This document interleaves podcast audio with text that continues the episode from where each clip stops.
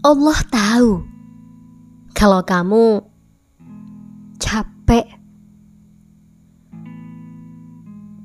Pasti capek ya menghadapi segala sesuatu seorang diri. Lebih banyak mengandalkan diri sendiri. Apa-apa selalu dilakukan sendirian. Ya, banyak menguras tenaga, menguras air mata. Banyak capeknya, tapi sedikit bahagianya.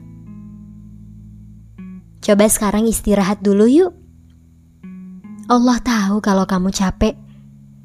Allah tahu kalau kamu kelelahan. Allah tahu kalau kamu apa-apa sendirian. Bahkan Allah juga tahu kalau kamu sering merasa seorang diri. Quran Surah Al-Hijr ayat 97 Artinya, Dan kami sungguh-sungguh mengetahui bahwa dadamu menjadi sempit disebabkan apa yang mereka ucapkan. Sakit,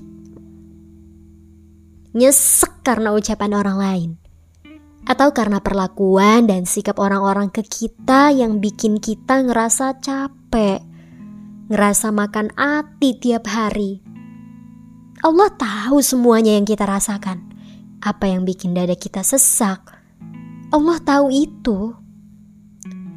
Meskipun kamu menyembunyikan rasa sakit hatimu dari orang-orang, di depan orang kelihatan gak apa-apa, selalu baik-baik aja.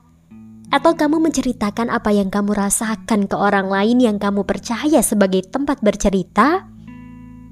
Allah tahu banget semua itu. Tentang rasa sakit yang kamu alami, tentang kekecewaan, tentang kelelahan, tentang kesedihan yang kamu pendam sendirian.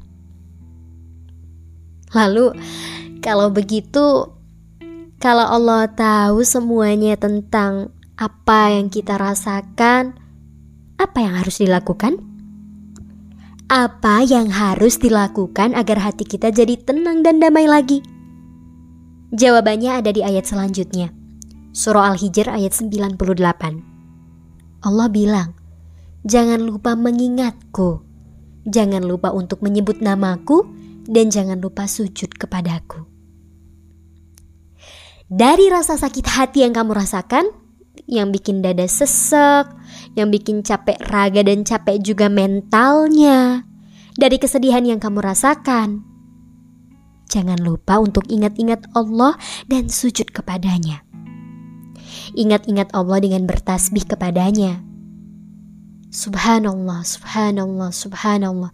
Terus menerus ulangi-ulangi sampai akhirnya ngerasa tenang. Nah, ini nih sebenarnya powerful kalau kita menghayati benar-benar tasbihnya. Caranya biar lebih kerasa ketika kita nyesek nih karena sikap atau ucapan orang lain, kita sampai di rumah masuk ke kamar di malam hari, sebelum tidurnya jangan langsung tidur dulu. Biasanya kan waktu malam hari ini sambil rebahan di kasur pikiran kita mulai terbang tuh ke mana-mana. Tubuhnya emang ada di kasur lagi rebahan, tapi pikirannya melayang ke mana-mana. Nah, momen-momen ini nih yang mesti kita pakai. Jangan langsung tidur dulu, tapi ambil wudhu, terus sholat. Sholatnya sholat sunnah dua rakaat aja. Cukup kok. Bisa sholat sunnah istihoroh atau sholat sunnah hajat. Atau sholat sunnah tasbih. Atau ya bisa juga sholat sunnah witir ganjil. Sholatnya sambil dihayatin bacaannya. Dinikmatin setiap gerakannya. Pas sujudnya jangan buru-buru. Nikmatin dulu. Sampai akhirnya selesai sholatnya, salam, jangan langsung bangun berdiri. Tapi stay dulu nih, tetap duduk di atas sajadah. Nah, saat ini waktunya zikir. Tasbih subhanallah diulang-ulang sambil ingat-ingat momen yang bikin kamu nyesek. Ingat-ingat ucapan atau sikap orang yang bikin kamu capek. Ingat-ingat hal-hal yang bikin sakit atau kecapean.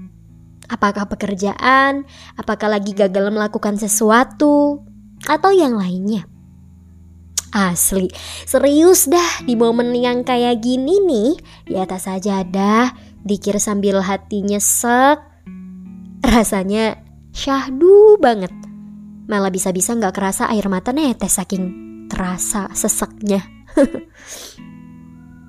Tapi nantinya kamu jadi ikhlas Jadi lapang dada Jadi bisa nerima apa yang bikin nyesek hatimu apa yang bikin kamu sedih rasanya jadi hilang. Atau bisa juga habis dikir kamu curhat, cerita sambil sujud, meluapkan semua kekecewaan, kesedihan, rasa sakit hati, penderitaan dan perjuangan yang kamu rasakan dengan suaramu yang lirih di atas sajadah. Suaramu mungkin terdengar lirih di atas sajadahmu di bumi. Tapi Allah yang Maha Kuasa yang berada di atas langit yang bersemayam di singgah sananya mendengar suaramu saat kamu berbisik ke bumi. Bayangin aja, kalau kamu cerita ke orang lain, ke teman dekatmu, bahkan orang-orang yang selalu ada untukmu, cerita lima kali dalam sehari, pasti orang itu akan bosan dengar ceritamu. Bahkan bisa jadi malah menghakimi kamu. Kalau kamu orang yang problematik, banyak masalah, banyak sedih terus, apalah itu. Tapi menjadi beda kalau kamu ceritanya ke Allah. Cerita lima kali dalam setiap sholatmu. Allah nggak akan pernah bosan dengar keluh ceritamu. Tentang hari-hari yang kamu jalani, apa yang bikin kamu capek, nyesek dan gedek sama orang. Justru makin senang dengar ceritamu. Artinya, kamu inget padanya. Mana ada manusia di bumi yang rela mendengarkan ceritamu sebanyak lima kali dalam sehari? Gak ada. Cuma Allah yang begitu tuh, yang selalu siap sedia mendengarkan ceritamu berkali-kali sebanyak apa pun kamu bercerita padanya. Dan pastinya Allah gak akan menghakimi kamu. Jadi sebenarnya Allah tahu kalau kamu capek, lelah, lelah raga, lelah mental. Allah tahu kalau kamu ingin nyerah. Banyak yang bikin hari-harimu kerasa menyebalkan, orang-orang yang menyudutkanmu dan merendahkanmu. Tentang semua rasa sakit, kekecewaan, kesedihan, perjuangan, dan kegagalan yang kamu rasakan Allah tahu semuanya. Hanya saja Allah menunggumu untuk datang bercerita meluapkan semua perasaanmu itu. Karena itu, ketika kamu sedang merasakan semua perasaan sakit dan nyesek, please jangan jauh-jauh ya dari Allah. Tetap berada di jalannya. Keep on the track. Jangan melampiaskan rasa sakit pada hal-hal yang dilarang yang berakibat nggak baik buat dirimu. Coba deh, lakuin cara yang tadi buat mengobati rasa sakit hatimu. Allah tahu semua perasaan yang kamu pendam. Dan semoga semua rasa sakit itu segera terobati ya.